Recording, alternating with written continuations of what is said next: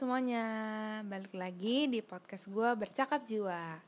Nah, di episode kali ini gue lagi pengen ngebahas uh, sebenarnya ini jatuhnya review sih, review satu film yang emang lagi booming banget di masyarakat, yang emang lagi rame banget diomongin juga, yaitu filmnya Ernst Prakasa. Pasti kalian tahu dong filmnya Imperfect. Nah, nah uh, teman-teman mungkin gue akan uh, memberikan gambaran umum dulu nih tentang film ini sebenarnya ngomongin uh, tentang apa sih film ini. Nah uh, film ini sebenarnya ngomongin tentang seorang wanita yang insecure akan dirinya sendiri. Itu gambaran umumnya aja biar nggak panjang-panjang. Kali ini gue ditemenin nih sama satu orang yaitu teman gue sekaligus pacar gue asik. Boleh bapak perkenalan dulu dirinya halo semua. Uh, di sini gua uh, namanya Imanta, biasa gue dipanggil Manta. Oke. Ini kita mau ngapain sih? Kan diomongin tadi mau ngapain? Oh, kita mau nge-review itu ya tadi. Nge-review film yang perfect. I'm perfect. Imperfect. Imperfect. Imperfect. Oke, nah kita langsung aja nih ya ke pembahasan. Hmm. Kalau menurut Manta sendiri, gimana sih setelah menonton film itu kesan apa yang didapat? Sebenarnya untuk kesan apanya ini ini lebih ke wanitanya sih. Kenapa tuh wanitanya? Ya karena terkadang wanita itu suka kadang nggak bersyukur dengan apa yang ada di dalam tubuhnya gitu loh. Kayak mukanya ntar badannya apa pun lah itu. Padahal kayak sebenarnya setiap di sini saya jadi sudut pandang cowok ya. Kayak buat apa sih insecure tentang penampilan diri sendiri padahal kayak sebenarnya ada cowok yang suka sama lu ya apa adanya. Terus lu kayak masih insecure aja gitu. Dengan hal-hal yang nggak jelas kayak khawatir khawatir aduh ini apa nih? Ada yang kurang nih di mata gue kayaknya nih. Mm. gitu-gitu sih kalau menurut gue sudut pandang film ini. Oke. Berarti kalau menurut lu uh, buat apa sih cewek itu insecure gitu ya yeah, kan? yeah Nah tapi mungkin gue akan nanya dulu sih kayak menurut lu uh, nggak gini, lu sendiri Gimana? deh, lu sendiri pernah gak sih ngerasain insecure? Uh, kalau gue sih pernah, pernah ngerasain insecure. Kapan? Ngapain? Kenapa bisa insecure? uh, waduh itu lama banget waktu gue masih SMP sih. Hmm. Itu gue insecure insecurenya. Kenapa tuh? Karena gue dulu itu badan gue bau kambing cuy. Bau kambing? Iya. Sebau apa emang bau kambing sampai ada temen cewek gue sekelas bilang. Temen cewek lu satu kelas nih iya satu kelas. Oh, oke. Okay. kayak gue kan abis kayak abis dari kantin hmm. baru mau ke kelas. Terus dia kayak mungkin dia nggak sengaja nyium gue nyium nyium bau atau nyium nyium, nyium bau. Oh nyium bau. Nyium bau kayak. Terus bilang kayak sontak spontan dia ngomong ih kok baunya kayak bandot bandot tuh apa kambing kambing bandot oh itu kambing terus kayak gue tiba-tiba di situ langsung insecure sama diri gue sendiri kayak ah. anjir badan gue bau ah. terus habis itu apa yang lo lakuin terus kayak ya gue nggak ngerti gue harus ngelakuin apa karena kan gue hmm. masih di situ gue insecure kan hmm. gue nggak ngerti apa apa yang harus gue lakukan karena gue di situ juga masih SMP gue nggak ngerti apa-apa hmm. terus ya udah kayak udah sering kayak beberapa kali masih tetap dikatain tuh ya satu satu apa tuh namanya? Kalau biasanya kalau SM, SMP sebelum naik kelas. Satu sampai naik kelas tuh masih di itu loh pas kan kelas satu nih naik kelas dua. Pokoknya kelas satu itu gue dikatain terus bau bau kambing. Kayak pertamanya pertamanya pertama dua kali tiga kali empat kali lima kali gue dikatain kayak gitu gue usah langsung panik ya. Hmm. kayak nggak mau deket-deket gitu sama cewek takut dikatain. Soalnya kayak hmm. menurut gue omongan omongan orang tuh bikin sakit hati ya. Hmm. tapi yang ngomong kayak gitu cuman cewek doang? Cewek doang ngomong kayak gitu. Nggak pernah ada yang ngomong. Nggak ada yang pernah ngomong gitu. Mungkin sama semua kali buat cowoknya ya? Uh, kurang ngerti juga sih. Terus ya udah terus kayak lama-lama gue kayak ya udah bodo amat karena udah sering dikatain kan. Mm jadi semakin lama diomongin tapi justru jadi lebih bodo amat. Iya jadi kayak bikin gue kuat gitu loh. Oh oke. Okay kayak hmm. ya udahlah. Udah kayak emang kayak udah diri gue kayak gini ya udah bersyukur aja apa adanya. Mm. terus udah tuh udah SMP gue udah nggak pernah dikatain lagi. Kelas sejak kelas 2 gue nggak pernah nggak pernah dikatain lagi. Mm. kayak ya udah. Mungkin gue juga udah udah dapet juga apa namanya penawarnya waktu itu. Apa penawaran obat NBK NBK tuh apa? Ada obat bedak ketek gitu. Seriusan? Iya. Oh berarti tapi walaupun lu bodo amat tapi juga lu mencoba untuk memperbaiki diri lu. Iya. Oh, oke. Iya nggak sih? Karena kan biar insecure itu biar bisa hilang juga. Hmm. Menurut tapi tapi terkadang omongan orang itu juga penting. Hmm. penting juga. Kayak coletehan kritikan orang tuh penting banget buat diri kita sendiri. Hmm. Mau itu orang jauh orang deket Hmm. itu penting banget. Tapi nggak bisa semuanya kita harus cerna. Karena kalau semuanya kita cerna itu jadi apa jadi beban di hidup kita sendiri. Anjay. Ya bener nggak? Jadi nggak harus dicerna jadi harusnya diapain? Ya dipikirin dulu dong mateng-mateng Ah. bener nggak omongan dia untuk diri kita? Oke. Masuk nggak di kita? Hmm. kita kita mampu nggak hmm. jalanin omongan yang mereka dap mereka kasih ke kita gitu. Tapi kan ada beberapa orang yang kadang overthinking. Misalnya nih kayak gue nih gue kan orangnya overthinking ya. Sekali misalnya ada orang sekali misalnya ada orang ada orang bilang nih ada orang bilang gue eh bu- apa eh, bedak lu tebel banget sih Jov gitu. Atau misalnya kayak eh, kok teman-teman lu lebih cantik sih daripada lu? Itu kan sebenarnya bukan kritik ya itu jatuhnya malah menjatuhkan gak sih mungkin kalau tadi bilang bedak lu ketebelan Jov. Mungkin itu bisa. Oke ntar gue meringankan bedak gue supaya nggak terlalu tebal tapi kalau misalnya bilang kok teman-teman lu lebih cantik sih Jov daripada lu? Itu kan jatuhnya bukan mengkritik ya? Iya sih tapi eh, gua belum pernah sih digituin. Nah oke. Gue belum pernah kayak dibanding bandingin eh pernah deng tapi bukan sama teman-teman gua. Hmm.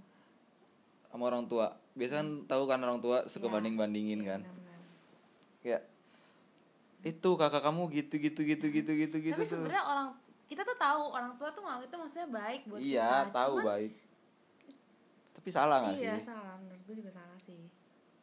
Kayak emang itu manusia emang kayak gitu nggak sih hidupnya? Hmm. suka ngejudge. Dari orang tua kita juga kita orang tua kita juga suka ngejudge kita. Padahal itu bukannya bikin kita bangkit malah jadi makin bikin down. Iya. Ya tapi ada sih memang beberapa orang yang kayak bisa sadar gitu oh ya emang orang tua gue mau yang terbaik sih buat gue tapi ada juga kan yang kadang anak-anak eh, oh orang tua nggak pernah ngertiin gue gitu kan Hmm. contohnya kayak di film tadi di film ini kan juga ada kan yang ngegambarin tentang eh, orang tuanya nih ibunya ini nggak mengerti dia gitu kayak dia malah ngebanding bandingin dia sama Adeknya. si adiknya yang which is adiknya tuh lebih cantik lebih lebih cantik lebih rupawan dibanding dia yang kayak ngikut papanya papanya yang sebenarnya dia cantik sih. Cuman memang kalau untuk eh, di mata orang-orang standar kecantikan tuh kan beda-beda ya. Iya benar. Jadi jatuhnya di mata orang-orang tuh jelek dia. Padahal kan cantik itu nggak harus selalu dilihat dari muka. Anjay bener gak hmm, bener sih. Sebenarnya cantik itu relatif bener kan? Relatif benar relatif setiap orang tuh beda-beda. Siap mata cowok tuh cantik itu relatif. Ya kalau menurut lu gimana cantik? Ya cantik ada banyak. Hmm. cantik di muka cantik di hati cantik di pikiran. Mm-mm. ya ada juga cowok yang nyari bukan cari cantiknya cari wibawa seorang perempuan. Ibu seorang perempuan tuh gimana contohnya? Kayak kita ngelihat ngeliat perempuan. konkretnya. Kayak kita ngeliatin perempuan nih. Wah anjir nih kayak bener-bener kayak perempuan wibo kayak bener-bener wanita sempurna tau nggak berarti bukan wanita wibawa dong berwibawa wibawa dong Kan kayak sempurna. kayak wibawa seorang wanita gimana sih kamu ngerti gak sih wibawa seorang wanita Heeh.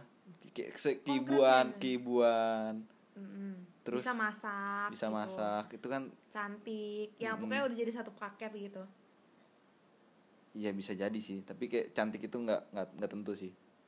Kalau masalah cantik itu juga nggak tentu, Nah, kan menurut lu tadi karena kan cantiknya gua sama cantiknya orang lain beda. oh iya berarti yang tadi yang lo ngomongin cantik berwibawa Iya, menurut lo itu berarti yang sempurna iya. tapi sempurna itu hanya milik Tuhan I- bener gak Iya, sempurna itu emang milik Tuhan. Kalau sempurna itu milik manusia, Adam nggak mungkin jatuh dari Aduh. Adam oke, dan. Hawa Oke, bakal ini jatuh. ini skip. Pembahasannya udah terlalu jauh. Udah terlalu jauh. jauh. Nggak, nggak ada hubungan sama ini. Oke. ya, terus kita lanjut lagi review Oke, lanjut. Nah, kalau dari eh tadi yang tadi Apa? yang Oke, kata bahas yang kata orang tua Mm-mm. itu bener banget kan yang tadi kita omongin apa nih orang tua yang mana dulu nih? orang tuanya si yang siapa tadi yang Orang tuanya si eh, siapa sih namanya? Pemeran utamanya si Jessica Mila ini kan Ah. yang jadi tokoh yang ceritanya dia hitam, jen- gendut gitu kan. bantet lengkap dah itu dia di situ buruk banget dah aduh gue jadi ngejat seorang nih. Kan malah bikin dia insecure kan orang-orang kayak gini. Eh, kan kita lagi review. Oh iya aja review. Kita lagi review. Tapi emang manusia sih suka ngejat sih ngejat ya jadi gimana tadi scene-nya? Orang tuanya kan? Iya jadi apa ya? Orang tuanya tuh kayak mau yang terbaik buat dia. Mm-mm, tapi ngasih ngasih taunya tuh salah. Mm-mm. ya Ngasih menurut ngasih taunya malah eh, jadi kayak nge itu menjatuhkan dia. Karena, Karena sebenarnya- dari fisiknya Iya, selain ngeliat dari fisiknya sebenarnya mamanya pun juga insecure sama akan dirinya sendiri. iya sih tapi itu kan di scene akhir Iya, kan maksudnya setelah kita melihat mengetahui ceritanya, ternyata orang tuanya pun sebenarnya insecure akan dirinya sendiri. Makanya dia jadi insecure akan anaknya, takut anaknya akan seperti dia. tapi mungkin gak sih orang tuanya tuh insecure cuma apa orang tuanya insecure tuh kenapa jadi kayak jahat gitu ke dia? Kenapa? nggak mikir nggak tentang filmnya kenapa? Gara-gara kan kan di film itu kan orang tuanya kan si ibunya ini kan melahirkan kan melahirkan si cow cewek yang black ini si Jessica Mila ini. Mm-mm. kayak disesar gitu kan perutnya. Terus kenapa kayak ke insecure-nya ke insecurannya dia ini dibawa-bawa ke anaknya ini? Karena dia melihat, berarti gimana ya? Berarti dia juga melihat anaknya itu jelek, iya nggak? enggak dong Karena dia melihat anaknya dia juga nggak ses mungkin ya, mungkin dia berekspektasi, oh anak gue bakal cantik nih kayak gue gitu kan. Tapi ujung-ujungnya dia mengikut bapaknya kan. Nah pas dia nggak sesuai sama ekspektasinya dia, makanya dia jadi kayak gitu, ngerti gak sih? soalnya kan kayak yang kita lihat di sini kan kayak orang tuanya tuh lebih sayang sama anak yang keduanya daripada anak pertamanya. Jadi kayak melimpahkan keinsecurean tentang dirinya si ibu ini ke anak yang pertama ini. Cuman ngelimpahinnya ke dia doang. Ya itu mungkin balik ke ekspektasi. Bisa gimana tuh jadi kan yang kayak gue bilang mungkin dia mungkin ya dia berekspektasi bahwa anaknya bakalan cantik seperti dia tapi ternyata anak yang pertama nggak cantik seperti dia malah lebih ngikut ke bapaknya nah terus anak yang kedua cantik banget kan kayak dia Hmm. Nah, karena dia punya ekspektasinya ternyata memenuhi ke adeknya, makanya dia ya udah sama adeknya lebih apa ya, lebih sayang, lebih ini. Tapi karena ekspektasinya ke anak pertama yang gak memenuhi, nggak memenuhi, makanya dia jadi kayak gitu. Makanya dia jadi kayak eh, pokoknya gimana caranya supaya anak yang pertama ini bisa jadi cantik, Mm-mm. supaya ekspektasinya itu terpenuhi kedua-duanya. Ya karena itu anaknya dia gitu loh, ngerti nggak? tapi sebenarnya cara dia salah Iya, cara dia salah. Emang salah caranya dia. Karena itu jatuhnya jadi membanding-bandingkan. Hmm. Terus kayak misalnya ada scene di mana kayak dia pergi sama anaknya yang kedua, senam lah, apalah, jalan lah, tapi ng- nggak per di sini tuh nggak menunjukkan bahwa dia tuh jalan sama anak yang pertama gitu loh. ya Ya, benar. ya nggak tahu ya apakah mungkin anak yang pertama emang banyak kerjaan di kantornya atau mungkin karena emang lebih banyak jalan sama pacarnya. Tapi kan itu kan nggak nunjukin Kalau- ya, kayak nggak seimbang aja gitu ya kayak kan? kepeduliannya iya lebih peduli. unlock. Heeh, unlock. Gitu. Terus gimana tuh? Apanya gimana? Pemecahannya. Pemecahan masalahnya. Kalau yang tadi sih ya Hmm. yang tadi maksudnya tadi kita nonton sih pemecahan masalahnya ya ibunya juga eh, apa ya terbuka akhirnya? iya terbuka saling terbuka aja gitu loh antara antara dia sebagai ibu anaknya yang pertama sama anak yang terakhir. Karena sebenarnya kalau kalau kalau gue lihat jatuhnya mereka tuh sama-sama denial sebenarnya. Sama-sama menolak kalau mereka tuh sebenarnya enggak kok gue nggak insecure gue nggak insecure gitu. Hmm. tapi ketika mereka baru ngomong eh, apa namanya mereka keluarin semuanya kan karena berantem. Jadi tuh ada scene di mana si Jessica Mila si pemeran utamanya ini dia berantem sama adiknya karena dia merasa bahwa adiknya ini merebut pacarnya. Karena ya gimana sih dia kan insecure kan. Dia juga mungkin insecure sama adiknya yang lebih cantik. Tapi kan di sini kan dia udah cantik. Yang lagi lu bicarain. Iya. Yang scene dia cemburu dengan adiknya itu Iya, udah lebih cantik. Tapi kan sebelum sebelumnya kan dia nggak nggak secantik itu, ngerti nggak sih? Hmm, terus Jadi mungkin di scene pas dia udah cantik aja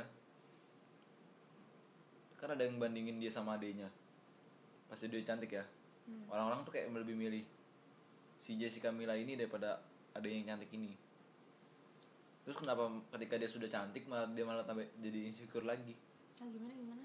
kan dia cantik yang kata pas dia cemburu dia ketahuan adiknya kayak lagi benerin rambut eh pacarnya lagi benerin rambut cowoknya Rambut lihat rambut rambut adiknya. Rambut sorry sorry gimana rambut rambut cowoknya dibenerin? Gay dong. rambut adik adiknya. adiknya si Jessica Mm-mm. Iya. padahal di situ dia udah cantik. Terus kenapa dia bisa tiba-tiba insecure Karena kan di saat itu mereka lagi berantem ceritanya. Dia sama si Reza, si pacarnya ini. Hmm. kan ceritanya lagi berantem kan di awal nah mungkin dia berpikir bahwa pas dia ngelihat itu sama adenya malah dia mempergunakan kesempatan dia berantem itu malah untuk bersama dengan adenya apalagi maksudnya di posisi dia tapi kan sebenarnya posisi yang di situ kan di sini yang itu hmm, itu kan lagi mau pemotretan. Iya pemotretan. Apakah apa karena pemikiran wanita itu sesingkat itu? Hmm, ketika sedang marah. Nggak tahu ya kalau orang-orang tapi kalau gue sih bakal akan mungkin akan lakukan hal yang sama sama Jessica Mila sesingkat itu? Iya. Kenapa singkat banget pemikirannya? Kayak baru lihat padahal Karena- kayak- karena jadi orang mau jelasin nggak ada yang bisa jelasin. Karena cewek itu pakai perasaan nggak pakai logika. Apa yang dia lihat anjir ternyata kayak gini. Langsung masuk ke hatinya. Langsung sedih ngerti gak sih? Mungkin kalau cowok ya gue nggak tahu sih. Kalau lu kan sebagai cowok nih. Hmm. kalau gue mungkin akan melakukan hal yang sama sama Jessica Mila. Kayak ketika dia melihat cowok gue sebenarnya sebenarnya cuman untuk mensupport adik gue tapi kan dia posisinya kayak lagi ngeliat lagi megangin rambutnya lagi benerin rambutnya itu kan jatuhnya kayak lu ngapain anjir sama adik gue gitu. Ngerti gak sih? Tapi gue beruntung sih. Untung apa untung adik lu cowok. Oke skip. Ini skip. Emang oke. Aduh aduh jadi bahan bahas. Terus terus. Terus apa jadi permasalahan eh jadi penyelesaiannya adalah saling terbuka ya menerima kalau emang dia itu kalau di kalau di antara keluarga ya. Ya emang harus terbuka. Terbuka dan misalnya dia insecure sama adanya ya dia ngomongin aja apa yang dia rasain. Tapi emang ada sih beberapa orang yang gak se- semudah itu untuk tapi ngebicarain masalah dia sih. Tapi gimana sih kita sebagai seorang anak sebagai seorang anak nih hmm. kayak membuat orang tua kita terbuka? Itu pasti sulit banget kan? Dimulai dari kita dulu ya ketika kita udah udah mulai terbuka tapi ketika orang tua kita tetap tertutup gimana? Karena terkadang kan ada beberapa orang tua kayak banyak deh di Indonesia orang tua kayak gitu. Hmm. tertutup banget sama anaknya tentang entah itu keuangan masalah percintaan mereka. Hmm. kadang kan orang tua itu berantemnya dari situ aja dua-dua itu aja. Keuangan percintaan mereka. Terus kayak mereka nggak pernah jujur gitu ke kita. Hmm. perasaan mereka apa pun. Jadi mereka kayak apa ya? Kayak ya udah tertutup aja kayak masalahnya ada masalah mereka aja. Padahal kan sebenarnya kan ini kan masalah keluarga satu keluarga. Tapi kenapa kenapa mereka nggak bisa nyelesain secara bersama-sama? Kalau gue pribadi ya kalau gue pribadi kalau untuk masalah terkait keuangan dan terkait percintaannya mereka itu kayak lebih baik mereka yang selesain sih. Hmm. kalau gue ya ya maksudnya gue gue juga merasakan gitu punya keluarga yang ya udah urusan percintaan ya udah sebaiknya tuh mereka yang menyelesaikan gitu. Juga keuangan itu sebenarnya bukan urusan anak kan. Cuman mungkin kalau yang ada hubungannya sama gue ya baru harusnya dibicarakan gitu. apa tuh kayak apa? Ya misalnya em, misalnya nih gue pulang malam gue suka pulang malam. Terus bokap gue nggak suka gue pulang malam itu kan ada hubungannya sama gue tapi dia nggak pernah ngomongin itu. Dia kayak pendam dia pendam dia pendam. Tapi dia nggak suka kalau ngeliat gue jalan gitu. Akhirnya kayak dilarang dilarang pergi dilarang pergi. Tapi kan gue nggak tahu sebabnya apa dia dilarang pergi kan. Nah itu kan baru kayak ada masalah yang ada hubungan sama gue nah itu sebaiknya ya menurut gue pribadi sih itu terbuka lebih terbuka diomongin kalau misalnya emang iya papa nggak suka kalau kamu pergi pulangnya malam-malam. Kan itu jelas kan oh jadi karena itu dia ngarang-ngarang gue pergi. Hmm. kayak gitu loh. Tapi kalau misalnya balik lagi ke gimana caranya supaya orang tua terbuka ya menurut gue sih dimulai dari diri sendiri dulu. Ya mungkin gak semua orang bisa langsung terbuka gitu. Mungkin orang tua orang tua kita kan juga manusia kan. Kayak ya mungkin dia juga orangnya tertutup.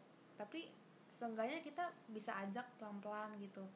Caranya ya kita mulai cerita mah aku gini-gini loh aku gini-gini loh. Kan nanti mulai lama-lama kayak kepancing mama menurut mama gimana?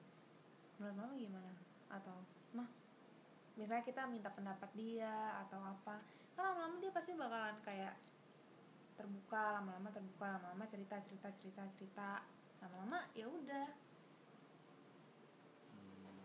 Itu menurut gua. Ya nggak tahu kalau tiap orang kan beda-beda ya punya orang tua yang beda-beda kalau gue jujur sih. Kenapa? Gue nggak bisa kayak gitu.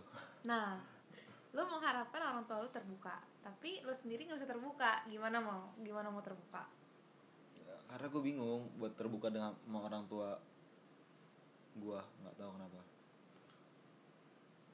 Karena dari mungkin dari keluarga gue juga gue punya jarak yang jauh 10 tahun dari kakak gue hmm. jadi gue kayak ya tertutup aja gitu nggak pernah ada teman cerita di rumah padahal bukannya justru punya kakak yang lebih tua lebih ini ya? No. lebih enak cerita maksudnya mereka udah mengalami pengalaman yang lebih lebih lebih tinggi daripada kita. Kayak pengalaman hidup dia tuh lebih lebih banyak gitu. Life experience itu lebih banyak daripada kita. Nah, iya ngerti. Mm-mm. tapi gimana sih sudut pandang kita? Misal kita cerita nih. Hmm. kak gue gini gini gini gini terus pasti ntar dijawabnya jawabnya kayak gini. Jawabnya kayak lebih kayak jadi kayak ngehebatin diri dia sendiri bukannya ngasih solusi. Karena kan dia udah hidup duluan. Hmm see. lebih dominan gitu maksudnya. Iya. Jadi kayak pas gue udah kayak gitu kayak gue udah males. Jadi gue mendingan simpen sendiri terus cari temen cerita di luar. Kayak gitu. Hmm. Jadi kayak gue susah buat terbuka gitu di keluarga gue kayak misalnya gue di rumah sama di dalam di, di dalam rumah sama di luar rumah tuh berbeda banget sifat gue Hmm. dalam rumah paling gue pendiem Hmm. iseng masih sifat-sifat iseng masih ada Hmm. tapi kayak nggak nggak ada tuh kayak jiwa-jiwa liar kalau misalnya keluar rumah keluar rumah tuh pasti Oke. kayak udah wah gitu udah kayak anak kecil abis dilepas di time zone Hmm. gue pengen sih kayak terbuka gitu tapi gue masih kayak belum tahu caranya gitu yang enak gimana. Hmm, gimana ya? Gue juga bingung. Sebenarnya mungkin ya hmm, gimana ya? Jujur gue nggak tahu sih kayak soalnya kalau di keluarga gue ya udah gue mencoba untuk membuka diri gue dulu gitu. Tapi kalau lu mungkin lu harus menemukan cara lu sendiri. Ini mungkin karena sifat itu gue ada ya. Yang sangat pendiam kalau ketika di rumah jadi membuat gue benar. Ya Dan- itu. dan gue juga dan gue juga terkadang bodoh amat. Iya. Itu. Itu apa tuh lu Jadi- udah menemukan sendiri jawaban jadi sifat bodoh amat itu sebenarnya boleh nggak sih? Di saat tertentu. Heeh. boleh. Bisa tertentu doang. Di saat tertentu. Tapi kayak gue lebih sering gua. Tapi kayak kayak gue sifat bodoh amat tuh kadang lebih sering sifat bodoh amat. Bodoh amat deh cuek maksudnya. Iya. Harus seimbang sih sebenarnya. Seimbang. Lu harus tahu kapan lu harus bodo amat kapan lu harus care yaudah kita balik lagi yuk ke Iya. ini film iya tadi Imperfect. siapa yang mulai Hmm? ayo kita balik lagi Oke. Nah, kalau disambungin ya sama yang tadi sama film Imperfect, kan kelihatan banget tuh orang tuanya ibunya sih sebenarnya bukan orang tuanya. Ya ibu ya ibunya orang Ibunya orang tuanya ya. Maksudnya kan bapaknya udah meninggal ceritanya. Jadi ibunya kayak ternyata menyimpan cerita juga bahwa dia sebenarnya insecure kan. Nah, hmm, kalau dari em, sisi mana ya? Sisi orang tua kan udah sisi anak juga udah. So itu ngebahas dua itu aja gak sih? Orang tua sama anak sih sebenarnya itu cerita. Iya. Nggak? enggak sih ada sisi wanitanya juga. Nah gini gini sebenarnya gue merasa ini kayak posisinya si Jessica Mila sebagai pemeran utama tuh dia kayak serba salah. Mhm. karena nih dia kan punya penampilan yang bukan yang serba salah itu apa? cowok. Beda dong. Beda. Kan ngomongin film. Oh iya silakan lanjut. Maaf ya guys. Nah kan di Jessica Mila ini kayak digambarin sebagai karakter yang eh, dia tuh sebenarnya punya hati yang kayak baik banget gitu loh Hmm. hati yang baik segala macam tapi memang penampilan luarnya dia aja yang mungkin kurang, bisa kurang menarik diterima kurang menarik kurang menarik dan kurang bisa diterima oleh masyarakat masyarakat sekitar. Nah pekerjaan dia itu kan pekerjaan yang di kalau nggak salah di perusahaan make up gitu kalau nggak salah ya, kecantikan ya kecantikan lah intinya. Dan di mana perusahaan kecantikan itu biasanya juga menerapkan standar kecantikan sendiri kan untuk karyawannya. Makanya kenapa waktu dia em, mau coba diangkat jadi manajer, tapi bosnya mempertimbangkan penampilannya dia. Hmm. Nah, sebenarnya kan kita diajarkan untuk tidak insecure, ya kan? Maksudnya boleh insecure tapi jangan berlebihan gitu kan. Nah, si Jessica Mila ini menurut gue kayak serba salah gitu. insecure itu tetap boleh Boleh, tapi jangan berlebihan. Kayak semua orang pasti punya rasa insecure, ya nggak? Nah, terus kayak Jessica Mila ini serba salah. Kayak dia dia mencoba untuk tidak insecure dengan penampilan dia, tapi pekerjaannya menuntut dia menuntut dia untuk jadi cantik gitu untuk untuk merawat apa pokoknya lebih cantik lah gitu menurut lu sama gak sih kayak serba salah gak sih si Jessica Mila enggak yang salah dia. Dia siapa nih? Jessica Milanya kenapa? Kenapa udah tahu dia nggak menarik kerja di kecantikan? Salah nggak dia. Salah dia. Sebenarnya yang bikin film ini salah. Udah tahu ini nggak cantik nih pemerannya nggak cantik. Dibuat nggak nggak menarik. Hmm. tapi dibuat dibuat pekerjaannya tuh di sebuah kantor kecantikan. Maksudnya apa? Tapi kan pasti ada orang-orang kayak gitu tuh pasti ada. Kayak ini tuh sebenarnya film ini sebenarnya mau membuat kita mikir gitu loh kayak gimana nih lu kalau di posisi ini apa yang bakal lakuin gitu Hmm, kalau di kalau pos- kan kalau pandangan lu gimana kalau gue gue sih nggak bisa ngasih pandangan ya. Oke.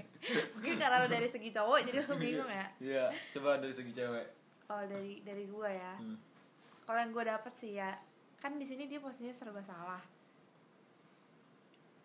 Tapi caranya dia setelah itu kan dia akhirnya dia e, mencoba untuk merawat dirinya.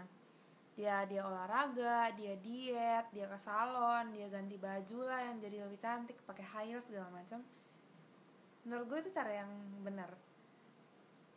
Maksudnya gini, kadang tuh kadang nih ya di masyarakat di masyarakat tuh misalnya nih ada cewek keluar nih jalan oh pakai make up segala macam kadang tuh orang-orang berpikiran oh dia tuh pakai make up supaya dilihat cakep sama orang-orang oh supaya dilihat cakep sama cowoknya Hmm. karena orang masyarakat ngomong kayak gitu kan padahal nih yang sebenarnya cewek itu kadang pakai baju apa baju yang bagus atau pakai makeup ya bukan buat orang lain tapi buat dirinya sendiri Ini bukan buat cowoknya.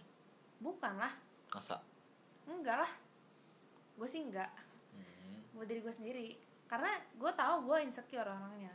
Tapi ketika gue pakai makeup ya udah itu untuk membuat diri gue lebih pede gitu. Bukan berarti ya udah gue insecure terus gue ya udah gue eh, nggak usah pakai makeup. Jadi kayak ya udah gue biarin aja insecure gitu. Ya enggak tapi maksudnya boleh kita sebagai cewek cantik merawat diri. Tapi eh, kalau dari film ini tuh dijelasin yang gue dapet ya udah cantik itu bukan untuk dipandang orang lain tapi sebenarnya untuk merawat dirinya sendiri gitu loh. Selain merawat dirinya sendiri ya itulah karena dia memang punya tuntutan pekerjaan yang harus kayak gitu Hmm. jadi dia harus melakukan itu. Harus apa namanya menjalankan tuntutannya. Tapi ya yang harus dia sadari ya dia merubah itu bukan semata-mata buat pekerjaannya do- dia doang karena karena kan di film itu awalnya digambarin kan setelah dia cantik dia terus jadi egois dia jadi lupa sama pacarnya dia lupa sama temennya dia kayak malah temenan sama cewek-cewek yang mungkin lebih yang se- setara lah sama dia setara cantiknya sama dia. Sosialita. iya. Nah itu tuh sebenarnya yang salah gitu loh. Kayak ya dia menjadi cantik bukan semata-mata buat tuntutan pekerjaan dia tapi ya untuk apa ya untuk membuat dia semakin pede dengan dirinya sendiri untuk merawat dirinya gitu loh. Tapi ya gimana ya ketika lu udah menerapkan pemikiran kayak gitu lu nggak bakal tuh yang kayak namanya jadi egois sama temen lu apa segala macem. Karena lu nggak memenuhi ekspektasi orang lain. Gitu.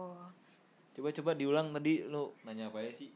ah nanya apa aja. Eh maksudnya tentang lagi bahas apa tadi? Sorry sorry. Ya tadi lagi nggak fokus. Oke, intinya aja ya. Intinya lu sebagai cewek itu cantik. Lu lu boleh menjadi cantik, tapi itu bukan berarti lu eh, memenuhi ekspektasi orang lain terhadap lu. Tapi ya itu karena lu mau mem- membuat diri lu lebih baik lagi, Hmm. memotivasi diri lu, membuat diri lu lebih cantik. Itu ya karena lu mau merawat diri lu gitu loh. Ngerti nggak? Tapi dari cewek sendiri masa cantik cuma buat dirinya sendiri sih? Masa dia nggak mau dilihat orang? Kalau dari sudut pandang lu pasti lu mau lu dong. Lu cantik pasti dilihat orang. Dari pandangan gue ya. Hmm. ya gue jujur aja gitu kayak kalau misalnya nih dilihat orang kadang ih cantik nih orang gitu ya ada perasaan seneng, Seneng, kan? gitu ada perasaan seneng tapi semakin lu eh, memikirkan pemikiran orang lain atau memikirkan ekspektasi orang lain terhadap lu pasti lu bakal jadi insecure. Kayak nih kayak di scene scene yang tadi. Yang mana adeknya? Hmm. adeknya kan dia kan cantik banget kan? Terus dia model kayak apa sih namanya? Kayak influencer gitulah yang kayak endorse endorse Selebgram, ya selebgram gitu kan.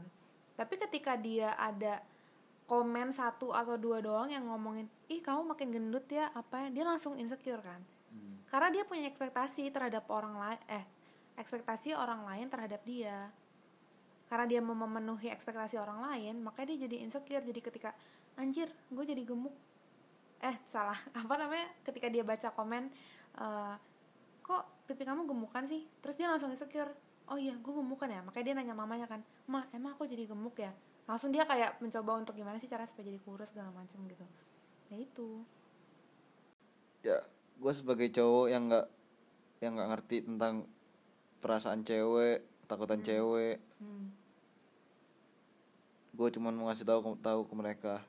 Hmm. ini buat cewek yang punya pasangan ya. Jadi yang nggak punya pasangan nggak boleh? Bentar. Ya, terus. Kalau yang udah punya pasangan ya jadilah dirimu sendiri Hmm. Gak usah takut Hmm. Gak usah takut apa ya Gak usah takut Gak usah takut kelihatan jelek apa Atau apa Justru Cowok tuh lebih suka ya, kayak natural Beda. Beda-beda. Oh beda-beda ya Nah, di scene tadi cowoknya si adeknya pengen adeknya ah kamu jangan pakai baju ini kan kita mau video Ya, kan kan- kita mau ini. Ya kan sifat gue lima satu Gue gak tahu siapa cowok yang lain. Ya makanya. Pokoknya intinya jadi dirinya sendiri. Iya. kalaupun memang ada cowok-cowok yang modelannya kayak gitu yang pokoknya kamu harus cantik pokoknya kamu harus kayak gini kamu harus langsing. Mending putusin aja.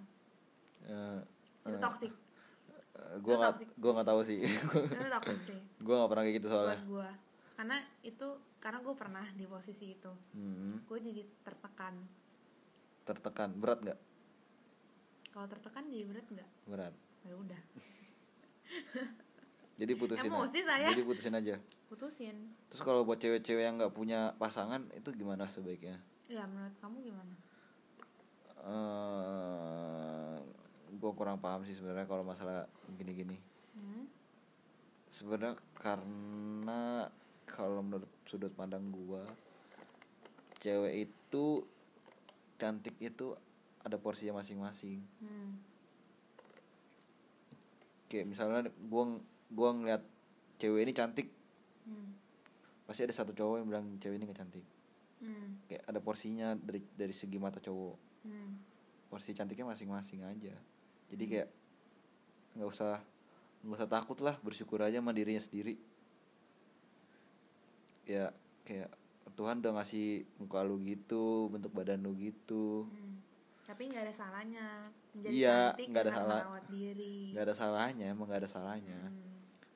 tapi ya bersyukur berawalnya dari bersyukur dulu Hmm. dari awalnya bersyukur terus gue mau lebih baik ya ditingkatkan. Menerima apa adanya Heeh, pertamanya diterima pada dulu baru kalau mau bercantik ya mau bercantik lah. Hmm. gitu. Karena dengan karena dengan eh, bersyukur dengan menerima diri sendiri maka kita bisa menerima orang lain. Ya sih. Cakep juga bahasa lo cakep juga bahasanya. Iyalah Hmm. oke. Terus apa lagi yang mau kita bahas di Lanjut. sini? Perpindahan alur. Kalau menurut lu perpindahan alurnya gimana? Jujur gue tadi nonton film ini sambil kantuk-kantukan nih. Tapi kan maksudnya garis besarnya tuh kan ya kayak film pada umumnya aja alurnya dari dari dari depan ke belakang. Iya. Aduh kocak ya masih dari maksudnya belakang ke kan depan. ada yang film kayak kayak ada yang film kan yang balik oh I see I see. Kayak Iya, gitu iya, kan. iya. Kalau ini ya udah kayak lurus gitu aja Iya, tapi maksudnya menurut kamu bagus nggak perpindahan alurnya tuh kayak ada yang ah ini kayaknya kurang nih alurnya harusnya gini-gini gitu. Ada nggak? Apa nggak ada? gue kurang paham sih soalnya gue bukan gue bukan seorang kritikus Ya udah, oke. Kalau gue sih udah bagus perpindahan alurnya. kenapa lu bisa bilang kayak gitu Ya itu menurut pandangan gue, kan gue Oh. sebagai penonton. Kalau misalnya semua penonton bilang gue sih kurang paham, ya terus dia mau mendapat kritikan dari mana? Hmm.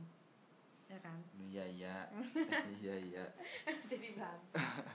emang cowok kayak gitu udah iya iya aja Nah, terus lanjut eh, oh, kalau misalnya di film-filmnya Ernest kan kita tahu lah ya Ernest kan bikin film pasti ada komedi-komedinya gitu. Menurut lo gimana komedi-komedinya Ernest kali ini di film Imperfect? tadi sih ada beberapa komedi tapi kayak dia komedinya komedi tipis-tipis mungkin ya karena yang kan ringan-ringan. iya karena kan ini kan Bukan ini kan bukan film komedi iya sebenarnya. kayak film-film drama Iya. drama-drama menye-menye gitu kan ini Jadi diselipkanlah komedi-komedi itu untuk mewarnai film ini. Iya. Karena tadi banyak juga kan kayak anak-anak komik di situ Iya. Emang itu selalu pak- dipakai sama si Ernest sih. iya kayak murah Kan kayaknya murah udah sohib, oh, udah sohib. harga sohib. iya makanya iya kan harga sohib murah biasanya Oke. Terus eh, ada gak sih yang tadi yang paling lucu menurut lo yang mana? Eh, apa ya? Tadi kayak ada yang paling lucu deh. Yang gue ketawa terus. Itu kayak gue lagi ngantuk tiba-tiba di sini tuh nggak ketawa terus. Apa ya? Duh, gue lupa lagi. Itu scene mana ya? Yang mana? coba dulu yang aduh. Gue juga lupa lagi. Kayak gue di situ tuh ngantuk tapi gue pas lihat itu ketawa. Tapi kalau menurut gue ya kayak lucunya tuh masa nggak selucu itu sih kayak lucunya kayak ya udah lucu aja gitu bukan lucu, iya lucu karena kan banget. lucunya lucu-lucu tipis. Iya jadi sebenarnya yang lucu-lucu banget tuh yang mana ya? Ada ada yang bagian lucu banget yang kita ketawa berdua. Eh, tapi nggak berhenti berhenti apa karena kita receh ya? Iya mungkin bisa jadi. Nggak inget sih. Kita semut jalannya ketawa jangan buka-buka dong kartu. Aduh ini malu kan? Sama-sama receh ketahuan.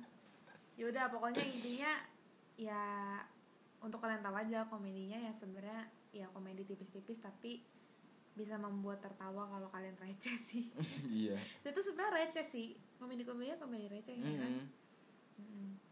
ya udah nggak ada yang bikin sampai perut sakit nggak Iya, ada. ada. Oke, lanjut ke oke kita kasih rating film Imperfect ini.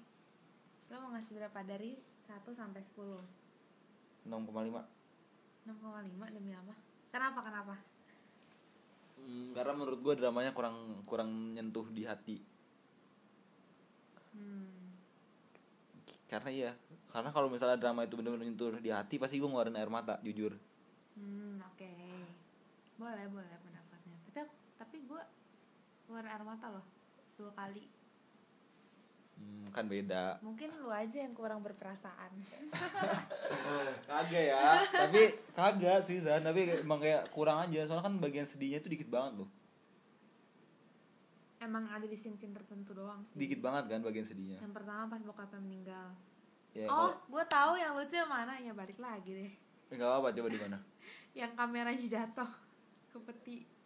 oh iya iya itu betul lucu banget Ini guys, oke ini balik lagi ke komedi tadi ya. Jadi ada scene di mana eh, Ernest kan ikut main ya. Iya. Jadi jadi ceritanya si Ernest ini jadi eh, temennya pacarnya si Jessica Mila. Jadi Jessica Mila ini punya pacar si Reza Radian. Reza Radian temen dekatnya si Ernest. Mm-mm. Nah waktu itu si Ernest siapanya yang meninggal ya? Eyangnya apa ya? Ah, iya. Engkongnya gitu. Ah, ya pokoknya Ya, kakeknya pokoknya lah Satu keluarga tuh udah meninggal gitu lah, kayak kakeknya ada kakeknya. ada job gitu Ya, terus si Reza itu kan eh, profesinya fotografer. Dimintalah sama si Ernest untuk ngebantuin fotografer, dikasih job gitu kan. Nah, dikirain jobnya itu ya udah foto-foto biasa. Kan biasa di foto model atau enggak foto hewan-hewan. pernikahan Iya, foto pernikahan. Datang-datang, dia bilang sih acara keluarga gitu kan. Terus ternyata datang-datang itu eh, pe- apa rumah duka. Ke rumah dukanya si keluarga si Ernest kan. Terus si Reza tuh kaget. Lah, lu bilang acara keluarga. Terus si Ernest bilang, "Lah iyalah, emang kalau kalau keluarga gue udah meninggal nggak boleh bikin acara keluarga." gitu terus- kan. Nah, terus udah gitu masuklah mereka. Nah, si Reza mulai kan foto-foto. Nah, awalnya mau foto peti. Pas dia foto peti, dia kan foto kameranya kan ditaruh di atas. ya Apa dia megangnya tuh di atas peti ya kan? di atas peti ya Terus kameranya tuh jatuh ke dalam petinya. itu kita di dalam sorry petinya. guys kita receh Iya mungkin ini nggak lucu buat kalian tapi lucu buat buat kita sih. Terus kameranya tuh jatuh ke dalam petinya. terus kayak ada keluarga gitu datang kan Iya. Ya, kamu cerita.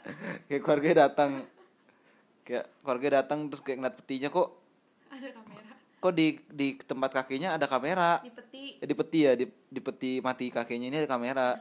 Terus Ernest ini ngomong dulu itu si kakek suka moto moto tan tan dulu. Dulu dulu kan kakek suka moto tan gitu kan. Terus tantenya cuman kayak "Huh," kan sambil sedih kan "Hmm, oh iya iya iya. Terus dia balik kan sama suaminya perasaan dulu kakek kagak pernah dah punya hobi foto-foto gitu selfie selfie aja burem. Selfie buram selfie aja burem. Ngakak banget. Terus tuh waktu itu posisinya petinya mau ditutup gitu Iya. kan. Terus eh, pendeta itu datang mau nutup peti mau pemberkatan terus mau nutup peti kan. Terus si Reza nanya lah ini mau ngapain? Menutup peti lah orang itu petinya di belakang. Lah terus kamera gua? Ya udah tutup aja nanti. Oh iya kita belum kasih tahu. Tuh ternyata kameranya dia jatuh. Kita belum kasih tahu kalau kamera jatuh di peti jatuh. Kan udah di Oh, udah, tadi udah ya? kamera jatuh ke dalam peti. Iya di situ. Habis itu tiba-tiba sini kepotong. Nggak kepotong sih terus nggak diceritain lagi Iya. kayak komedinya gimana. Kayak nggak dilanjutin lagi. Tapi itu kocak sih menurut kita. Tapi ada Kita tahu hot chaos lagi deh yang ketawa. Duh, lupa lagi.